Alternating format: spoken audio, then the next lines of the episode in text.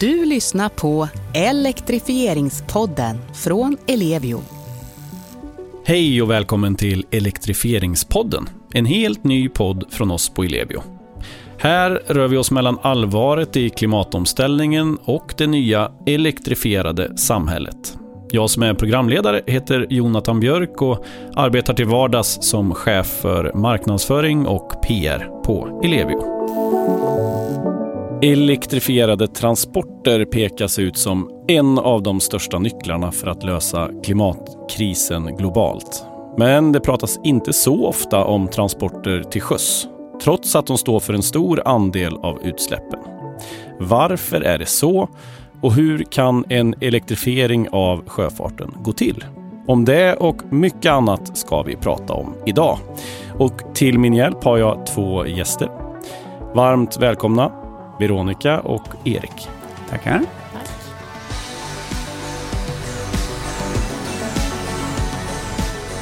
Och vi börjar med en eh, liten eh, kort introduktion om var och en av er.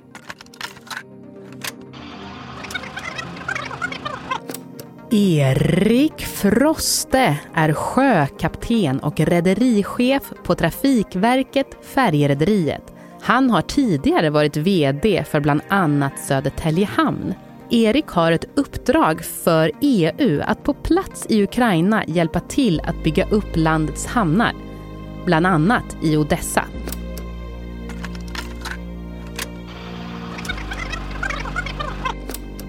Veronica Lium är fotbollsentusiasten som är kundansvarig inom transport och logistik på Ellevio. Hon har hand om bjässarna som ska elektrifiera sin verksamhet. Då pratar vi SL, åkerier och färjor. En gång i tiden var hon blixtsnabb på 60 meter och har haft olympien Linda Haglund som tränare. Erik, vad ska du göra i Ukraina? Jag är Ukraina. Det är ett EU-uppdrag jag har fått eh, och jag ska dit och, ska man säga det enkelt, eh, göra en gapanalys. Jag vet hur en hamn ska fungera. Och det är inte bara Odessa, det är alla Ukrainas hamnar i Svarta havet. Så det är 13 hamndistrikt så att säga. Och det är egentligen eh, så här funkar det nu, både med infrastruktur och vad är sönderbombat och vad är inte, men också regler, regler och lagar. För det är en del av deras EU-ansökan. Och då ska jag se hur det funkar, jag vet hur en västerländsk funkar och så ska jag göra en gapanalys där. Så att de som så småningom kommer efter mig, de ska bygga upp hamnarna och få dem att fungera igen, då vet de lite var de kan börja. Så jag ska ge dem en liten headstart. Vilket häftigt uppdrag. Ja, men det är coolt. Det mm. är hedrande, mm. det är spännande och lite läskigt. Mm. Eh, men till din roll som du faktiskt fortfarande har idag då, när, här, när vi spelar in det här. Vad gör du på dagarna? Som alla andra, massa möten och mejl. Eh, men egentligen så som hög chef så man, måste man vara lite av visionär. Man måste vara den som pekar riktningen långt fram och sen förhoppningsvis har man massa duktiga kollegor som kan hjälpa till att genomföra det. Så mycket pratar jag med kollegor och omvärldsbevakare och träffar olika företag och berättar vart vi ska och de berättar vart de ska och så ser jag, kan vi samarbeta på något sätt. Och så spelar du en podd idag. Idag spelar jag en podd. Mm. Och Veronica då, kan inte du berätta lite om vad din roll innebär eh, lite mer? Ja, men absolut. Jag jobbar då som kundansvarig på Ellevio och fokuserar på transport och logistikkunder.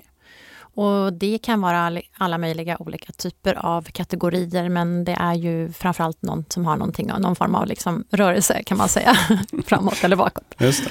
Så det är åkerier, lastbilsåkerier då, då. Ehm, det, är, det är inom sjöfarten, färger och rederier och kollektivtrafiken, bussarna som ska elektrifieras både i, i Stockholm och i Göteborg och på andra ställen också. Sen är det även hamnar och flyg eh, flygplatser och eh, flygplansaktörer. Eh, Så det kan vara väldigt spridda skurar av, av kunder. Mm. Väldigt, väldigt roligt. Ja, det låter som uh, jättekul men också sjukt utmanande. Men väldigt så är det och väldigt, väldigt mycket eftersom att det är mycket som ska till. Alla, alla ska elektrifieras eh, nu och framåt. Så mm. det är många dialoger och mycket diskussioner och väldigt mycket helt enkelt. Mm, mm. Men hörni, eh, vi ska ju prata elektrifiering, eh, eller vi ska utgå i alla fall från elektri elektrifiering och sjöfart, så får vi se vart vi hamnar. Eh, men när jag läser på om det här eh, så upplever jag att det pratas ganska lite om sjöfartens eh, roll, både i klimatfrågan men också ur ett liksom elperspektiv. Vad är eran, eran bild av det som jobbar närmare frågan? För oss är det ganska, men vi har 70 stycken färger, de är 100-120 meter långa ungefär. Eh, rätt så korta sträckor, eh, kör inte jättefort. Dessutom är vi en del av stora myndigheten Trafikverket så vi kommer inte bli utslängda. Vi kan investera oss fast. Så för oss när vi tittade på metanol, etanol, biogas, eh, alla olika alternativ ehm, så var el, elektrifiering, ganska enkelt val. Men hade vi drivit ett stort rederi och körde containertrafik från Stockholm ner till Antwerpen eller breakbulk-rederi från, väst, från ja, kontinenten ner till US West Coast, då hade inte el funkat. Så, så det är den här svårigheten att hitta den bränslelinan och den energifunktionen som passar sin egen driftsystem. Det, mm. det är väl det som är svårt. Men för oss var det väldigt enkelt. Men hur upplever du sjöfarten i relation till klimatfrågan då? Eh, hur, hur, hur ofta sätts den in i, i den kontexten så att säga? Ja, men alltså, historiskt så har sjöfarten varit kassa. Jag har varit sjöman och jobbat i branschen i 40 år nu. Ehm, vi är kassa. Ehm, men det finns undantag. Svenska rederier, särskilt tankrederier, några av skogsföretagen, några mm, större av passagerarrederierna, de är föredömen. Men generellt så gömmer man sig bakom och väntar på den internationella lagstiftningen. Och först när den är på plats, då vågar man göra någonting själv. Så det är en resa. Och Veronica, din roll då? Hur mycket jobbar du idag med sjöfart i relation till andra transportslag så att säga?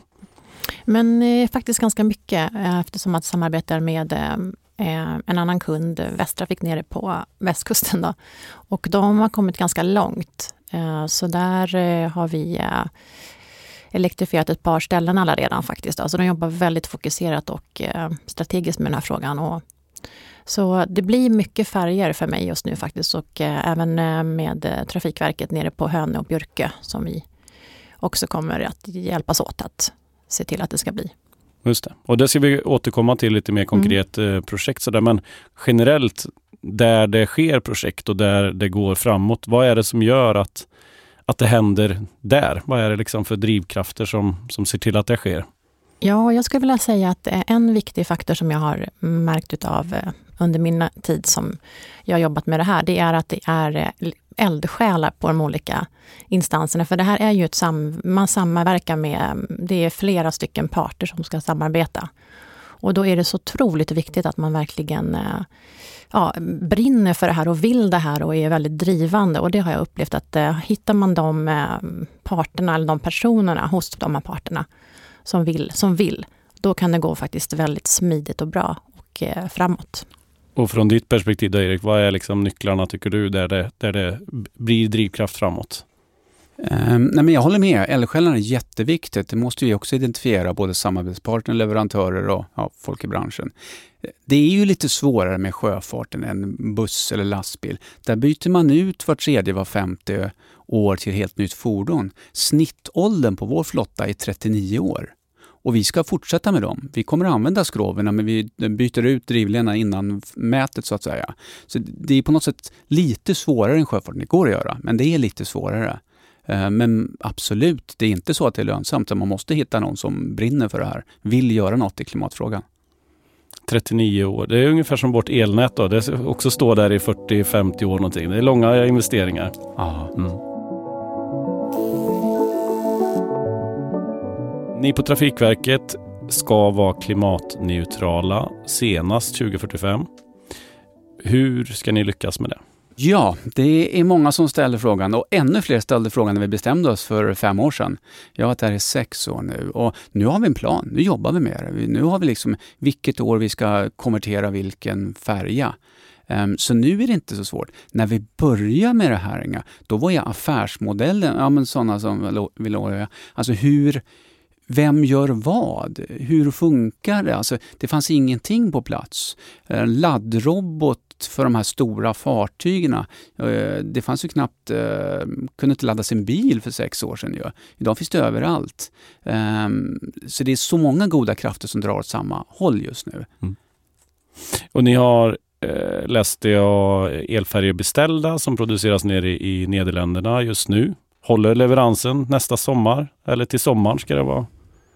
Ja men absolut. Vi Mm. har idag åtta stycken elfärger, men de är alla linfärger. Och de har dessutom en kabelhjul, så de är lite enklare. De drar inte så mycket. Så, eh, men nu är här vår första riktiga batterifärger som kommer, en serie på fyra stycken. Och vi, det här är liksom ett modultänk där vi faktiskt ska standardisera nu. Och ja, de håller tidplan. Nästa höst efter sommaren så kommer vi ha dop här i någon av Stockholms kajer och så kommer vi köra igång det. Standardisering säger du. När vi pratade inför Veronica så var det Mm. någonting som du nämnde som en viktig faktor fram, liksom fra, framgångsfaktor framåt. Eh, kan du utveckla det lite? Mm.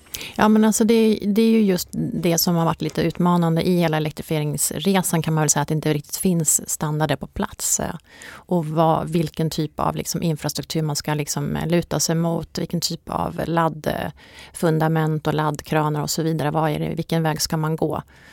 Och då pekar man lite på, på varandra och kommer liksom inte framåt. Det blir diskussioner, det blir dialoger, stannar upp. Liksom. Så att eh, jag verkligen skulle ja, omfamna eller se fram emot att det att det blir mera liksom direktiv och mera klara riktlinjer på plats. För då kommer det, kommer det att gå betydligt snabbare också framåt. Mm. Man pratar eldrivna färger så det är ganska maffiga elanslutningar som behövs för att, att ladda de här. Vissa måste ladda på bara några få minuter när de är inne vid, vid kaj. Ehm, hur möjliggör man det? Vi jobbar eh, väldigt tätt ihop med kunden så att man sitter och med mina största kunder så pratar jag nästan dagligdags med, med dem, eller inte dagligdags, men i varje fall varje vecka och stämmer av planerna framåt. Och sen så lägger vi eh, prognosen tillsammans och eh, planerar för, ja, för den här etableringen helt enkelt, då, då, hur mycket som behövs och så gör man en upprampningsplan. Så att vi ska kunna liksom mappa det mot vår utbyggnad också och våra planeringar av så att säga, det befintliga arbetet som vi ändå gör. Vi bygger ut och rust, liksom rustar upp och förnyar och eh, gör det kraftfullare. Vi jobbar ju för fullt med att etablera nätet liksom ändå, om man säger så. Mm, men mm. att eh, vi vill ju mappa det mot kundernas behov, så vi har, vi har en samsyn. Så tät dialog, eh, bra samarbete, samverkan och skulle jag säga.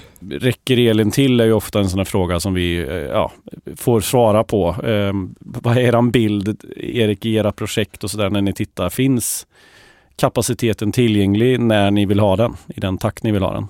Ja, men det gör det. Jag ska börja med att säga, när jag började jobba här, då tyckte jag, men vi köper, bygger hela elbåtar, tar bort de gamla dieselmotorerna helt. Men det blev jag nedröstad av mitt teknikgäng. De sa, nej men nu är du dum i huvudet, nu är du för futuristisk där. Och, och det får jag säga, de har ju rätt. Nu efter kriget i Ukraina inser jag att vi kan ju inte bara köra på el, vi behöver redundans. Så vi kommer att ha kvar en eller två dieselmotorer eller köra på HVO i våra båtar, även på de nybyggda, för redundans. Och det gör ju att när vi skriver avtal nu med elbolagen, då säger nej men när det är minus 20-25 grader i Sverige, koppla bort oss. Det kommer vara så få procent andel av tiden ändå. Så koppla bort oss, så kör vi på diesel de nätterna. Så det är lugnt. Så, så vi har inga bekymmer egentligen alls skulle jag vilja säga. Oron och snacket i media är betydligt större än vad vi upplever det. Och snacket i branschen då generellt i, i övrigt, hur, hur, hur går det där? Eh, För det finns de som har kanske ännu större, eh, ja, behöver mer kraft än vad ni behöver till era färger gissar jag. Jo, men eh, Stena Line har ju en eh, vision om att börja köra Fredrikshamnsfärjorna på el. Ja, men då börjar det bli knöligt. Mm. Det är helt klart. Men eh, för oss som ändå, våra färjor väger 800 ton, Mm. det är rätt stora båtar, Mm. så upplever vi inga problem. Lite tror jag man duckar, visar på problem istället för att börja jobba och prata om möjligheter. Du var inne lite grann på det att el kanske inte alltid är eh, lämpligt eller ens möjligt för alla typer av, av transporter. Ehm, vilka fartyg eh, pratar vi om när det kommer till elektrifiering av sjöfart? Ja, men det, det här är intressant. Jag skulle för, för några år sedan ha sagt långsamma, men nu när bärplanstekniken har tagit fart så mycket så gäller det ju även de väldigt snabba. Eh, men knappast de riktigt stora tunga lastfartyg. Eh, de, jag höll på att säga, kommer nog aldrig gå på el. Det tar för mycket tid att ladda dem för långt, tar för mycket kraft. Just det. Och vad är det man får titta på för tekniker då? Ja, det är väl där om Mm. vi diskuterar. Mm. Det här var så himla enkelt i början på 1900-talet. Man gick från segel och ånga och kol till diesel. Då valde alla på några år egentligen det enkla alternativet. Vi kör på diesel. Idag är vi inte där. Det är ju det här vi tittar på allihopa. Men el vinner ju mer och mer. Alltså tittar vi några år tillbaka så hade vi nog sagt mindre än vad vi säger idag. Det byggs ju ut. Mm. Nu har vi pratat liksom klimatperspektivet egentligen på, på sjöfarten men sen finns det liksom ett miljöperspektiv i det också. Vi hade en enorm egentligen miljökatastrof nere i södra Sverige här relativt nyligen när en färja från TT Line. Eh, vad, vad, vad, tänker ni när, när en sån händelse inträffar utifrån era, era respektive roller? Liksom? Ja, om jag ska börja som sjöman så blir man ju inte stolt. För det är ju klart att någon har ju inte haft koll på läget. Det där, det där ska inte hända. Men det händer tyvärr alldeles, alldeles för ofta. Och det är bara att konstatera. Hade den gått på el så hade det inte hänt. De hade stått på grund, men det hade inte blivit något oljeutsläpp. Vad tänker du Veronica? Nej, men det var ju en, äh, det var en sorglig historia tycker jag faktiskt, med, mm. som äh, berörde väldigt många. Hela, alla in, de som, alltså medborgarna som bodde i området fick ju själva rycka ut och försöka liksom rädda upp det. För att det tog ju också tid innan, äh, innan de kunde så att säga, reparera eller hämta hem skadan om man säger så. Mm. Mm. Så det, var, det kändes ju väldigt olyckligt. Men ja, som du säger Erik, det, saker händer. Ja, och även luftkvalitet är ju en faktor. Det jobbar man väl en hel del med i Stockholm. Att det är liksom en, en drivkraft i sig, elektrifieringen av, av, av sjöfarten. Ja, men absolut, det är ju det, är ju det som man, eh, man vill få, få bort, liksom, att utsläppen som eh, ändå sjöfarten står en, står en stor del för. Så det, det är det man vill minimera. Och sen är det ju i Stockholm så är det också mycket buller, liksom, att det här är mycket mjukare och tystare. Och, mycket mer klimatsmartare på alla sätt och vis. Då, så det, men det är framförallt utsläppen som vi behöver få bort. Just det. Om vi hänger kvar lite med det här oljeutsläppen, det behöver inte vara en oljekatastrof någon går på grund. Jag tror alla som har en utombordare har någon gång hällt lite bensin eller diesel i havet eller i sjön. Mm. Alltså, och det gäller all sjöfart. Man bunkrar över ibland, man gör saker som man inte borde gjort. Det blir fel, man är stressad eller någonting händer. Så att minska, kanske ännu mer på sjöarna, behovet av diesel eller bensin och köra mer på el, det gör en skillnad även i det lilla. Vad tänker du som gammal kapten då? Det är inget så här med nostalgi, eh, att det ska vara på ett sätt som det alltid har varit. Finns det någon sån faktor, tänker du? Nej, men det tror jag inte. Inte ens i branschen. Däremot oro för kompetensen. Alla mina kompisar som pluggade sjökapten med mig, vi kan få igång en dieselmotor när den går torr. Vi vet hur det funkar, liksom. man måste pumpa upp och hej och Men ingen av dem har gått någon kurs i battery management. Alltså här har vi en utbildningspuckel som vi måste börja ta oss an. Och än så länge finns det ju inte ens skolor. Mm. Så om du läser, börjar på en kaptensutbildning nu så är det inget, inte en del av utbildningen, skulle du säga det? Nej. Nej. Man följer ja, ett internationellt system om man väljer att göra det. Mm. Vi håller på att ta fram utbildningarna för våra fartyg, för våra besättningar. Ett väldigt seriöst program för att kunna ta emot de här färgerna och kunna börja använda dem. Och, och det, är, det är veckor som våra ombordpersonal ska gå för att klara av det här. Mm. Både elektrifieringen men också automatiseringen, alltså digitaliseringen och automatiseringen som kommer också. Um, vi pratade lite grann om, om när det faktiskt um, lyckas då, när det blir lite driv och drag. Uh, och ett ställe där det ju faktiskt pågår saker just nu som jag förstått är på västkusten, Hönö, Björkö, heter den så? Mm. Vad, gör, vad händer där?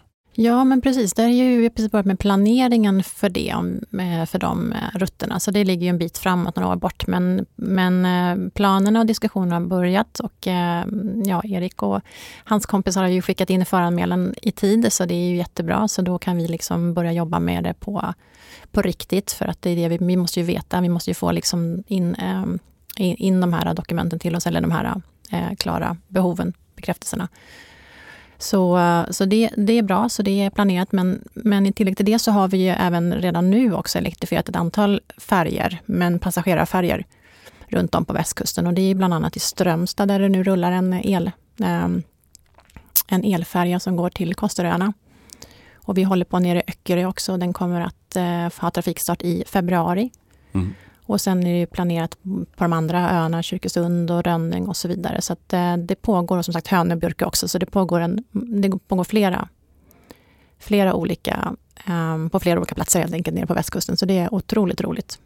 Och här i Stockholm där vi spelar in den här podden då, eh, där är det ju också snart väl premiär för de här nya bärplansbåtarna som trafikerar Ekerö som jag förstod det.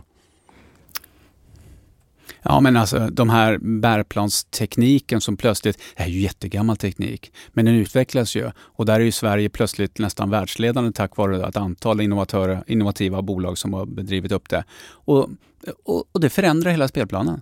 Och när man kan åka 25 knop och förbruka en tiondels eh, andel av energi istället för att köra ja, 12 knop, 13 knop för fartbegränsningarna sätter det man bygger svall.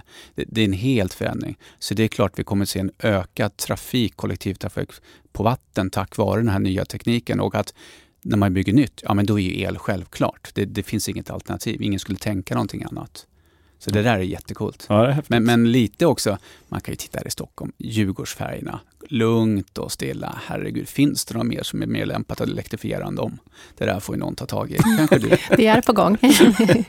det är absolut på gång och det ligger enligt planen som vi diskuterar med EU-regionen och som, som, som kör dem. Erik, du pratar om bärplan. Kan du bara, vad är det?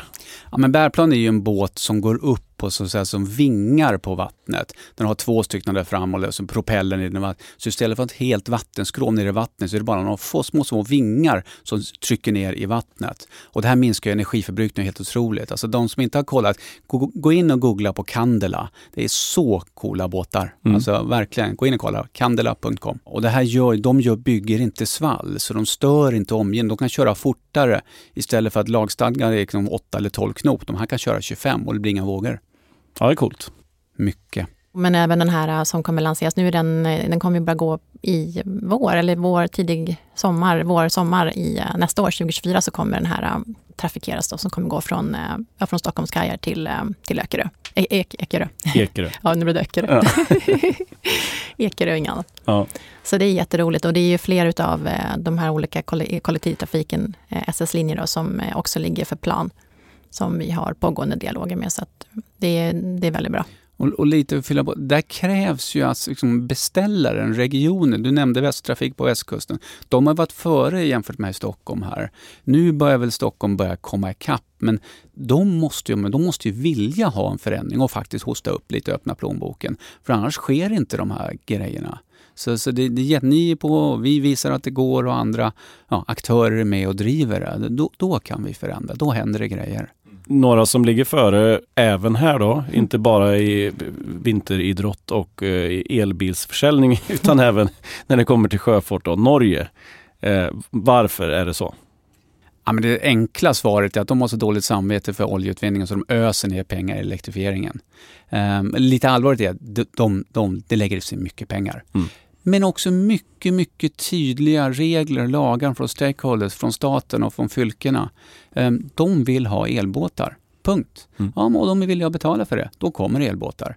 Eh, det är ju de vi och andra sneglar på. De var först. Jättepraktiskt för oss. Vi har ju lärt oss oerhört mycket. Den första tekniken som kom där, då tar jag med liksom hur man laddar dem. Laddtorn 8-10 meter höga, fula som stryk, skulle aldrig fått bygglov att ställas på Strömkajen eller nedanför Dramaten. Men nu är de läckra, coola, snygga grejer. Alltså, tekniken har ju gått framåt så nu har jag ingen problem med den. Mm. Men vi är mycket tacksamma för norrmännen där som har gått före här.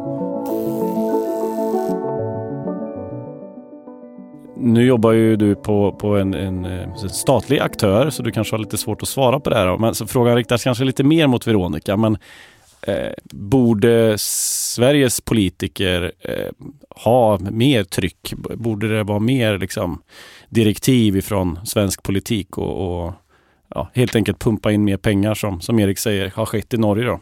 Ja, men jag tror verkligen eh, rent allmänt så tror jag, vare sig det gäller sjötrafik eller något annat eh, slag, så tror jag det är otroligt viktigt nu att vi går verkligen från ord till handling och liksom börjar agera, agera utifrån det vi har pratat och diskuterat om. Det är jättebra att vi har haft alla de här forumen och att det varit, man har liksom samsyn och samverkan och alla, all, allt vad det heter. Men nu är det liksom upp till bevis att också göra. Så det tror jag. Och då är ju påtrycknings, olika påtryckningsmodeller väldigt, väldigt, väldigt viktigt. Liksom, att, man, att det går hand i hand, att det går i takt allting. Så det tror jag. Mm. Vad händer på EU-nivå politiskt? Det finns ju ett antal eh, liksom, klimatrelaterade program, Fit for 55 och The Clean Energy Package och sådär från EU-håll. Eh, vad, vad, finns det där i som har bäring mot sjöfart? Um, inte jättemycket, men, men jag har precis nu, rätt så nyligen, fått in sjöfarten. Den har ju även inom EU varit utanför alla sådana här system. Och återigen så skyller man att det är internationellt och hej och hå, det är svårt. Uh, men de börjar komma in, så det börjar hända grejer. Och elfartyg börjar ju poppa upp. Det finns lite i Danmark nu, lite i Nederländerna nu, så det börjar ju poppa upp. Uh, och, och just som du säger, Fit for 55, den där är ju supertydlig. Inget land kommer vilja inte uppfylla det, det blir för dyrt. Alltså det är på riktigt. Mm. Så oavsett egentligen svenska mål eller inte, ja med Fit for 55 lite senare, men alla länder kommer behöva gå den här vägen nu. Så det kommer börja hända grejer. Obotlig optimist som alltid. Ja, men det är bra. Veronica, vi pratar ju om lite olika typer av, av behov och även då kopplat till el, behov av el helt enkelt. Vart en vanlig anslutning av en färja typ Trafikverket? Då? Hur mycket el handlar det om där? Ja, men det är, eh, det är allt ifrån 400 eh, ampere upp till, eh, ja, jag skulle säga till 5 megawatt. Lite beroende på hur turerna ser ut och hur ofta de ska gå och hur många båtar som trafikerar de olika, eh, olika turerna. Just det. Så, men idag så, liksom, om vi har en god, ett gott samarbete, en god planering, en bra dialog och liksom bra diskussioner och tänker tänker liksom väldigt lösningsbaserat så har vi kunnat liksom möta de här äh, nivåerna i takt med upprampningen. Så att, äh, och här kan man jobba med energilager, äh, batterier och, och sådana saker också. Så att, Just det. Men som i Stockholm finns det ju också eh, större behov. Stadsgårdskajen vill ladda sina kryssningsfartyg som lägger till där. Ja. Vad handlar det om för volymer då? Ja, där är det ju betydligt eh, mera kapacitet som, som behövs dras fram och vi tittar ju på en sådan idag just kring Stadsgårdskajen där kryssningsfartygen behöver lägga till och då pratar vi uppåt en 50, ja faktiskt 30 megawatt. Så det är lite större, lite och, större saker helt enkelt. Och 30 megawatt för att sätta det i relation till någonting så det, det, då pratar vi en ganska stor stad. Ja, det skulle jag säga. Ja. Jag vet när vi byggde ett 10 megawatts eh, batteri i Grums här nyligen, så det, det motsvarade eh, effektbehovet i Grums då, som är en ja, kommun med 10 000 invånare. Ehm, så att det, ja, det är betydande kapaciteter vi pratar om. Och, och, vad betyder det för oss? Det är inte något som bara står ledigt i en ledning och kan kopplas in antar jag. Nej, det, det är mycket ingenjörskunskap som ska till för det, för vi ska kunna dra och vad vi ska kunna hämta ifrån och, mycket, och var vi ska placera de olika eh, stationerna och så vidare. För det är, det är en stor byggnation, som, en ombyggnation som behöver komma till för att vi ska kunna, kunna gå i mål med det. Så det, det, det är ingenting som vi gör på, på ett halvår, utan det, det kommer ta sin lilla tid, men det går. Allt är mm. möjligt. Mm. Ja, men det är bra. När Stadsgårdskajen elektrifieras så är det ju för att, för att liksom försörja fartygen, eller är det det? De 20-30 megawatt, då är det väl för att de ska kunna gå mer på el antar jag, eller? Ja, det är för att kryssningsfartygen ska kunna lägga till och ladda eh, på el. Men behöver de så mycket för den här, eller vad är det de laddar? De laddar batterier då? Eller är det, är det den här när de ligger till för Jag är rädd för att det där är bara det vi kallar hotellströmmen. Är det? Det är AC Vansinnigt mycket. Ja, de är stora. Men shit. Jo, men, och, och, samtidigt har vi alla vanliga lastfartyg, alltså containerbåtar, olja och tankbåtar. När de ligger vid kaj, då använder de det vi kallar hjälpkärnorna och bränner diesel eller bunker istället för att använda landström och ladda. Och det här är en ekonomisk orsak. Eh, dieseln de har ombord, internationell trafik, skattebefriad. Strömmen de köper i land kostar skatt. Så det är billigare att köra med den smutsiga dieseln än att tanka fin el i land. Och ännu ett bevis på att det kanske krävs lite politisk styrning på, på EU-nivå eller internationell nivå då, för att jo, komma åt det. Absolut. I Norge finns det fjordar. Det är förbjudet att köra diesel eller bränsle inuti. Man måste ladda upp sina, båt, sina motorer med någonting annat innan man kör in. Och så kör man vänligt där inne. Sen när man kommer ut ur fjorden, då får man köra med den skiten igen. Men inte där inne. Eh, nu har vi pratat mycket el. Vätgasen finns ju där också och nämns en del. Liksom användningsområdet för, för vätgas kopplat till, till sjötransporter, Erik? Nej, men lite som jag var inne på tidigare, alltså för fartyg som går längre sträckor eller snabbare eller med mer last. Vätgas, absolut. Vi kommer att ha vätgasfartyg, det är helt hundra på det. Eh, nackdelen med det, det, är ju, det går ju åt så mycket mer energi verkningsgraden är ju kass liksom, så vi måste ju ha ett energi elöverskott innan vi börjar tycka att vätgas är ekonomiskt möjligt. Men dit kommer vi med alla vindsnurror vi håller på att sätta upp. Just. Så absolut, dit kommer vi också. Men inte vi, utan andra sorts fartyg. Mm. Och det får bli slutorden för ett superintressant samtal. Tusen tack Veronica Lium och Erik eh, Froste. Tack så mycket. Tackar. Tack för att du lyssnat på Elektrifieringspodden från Ellevio. Vet du någon annan som är intresserad av elektrifiering? Tipsa gärna om den här podden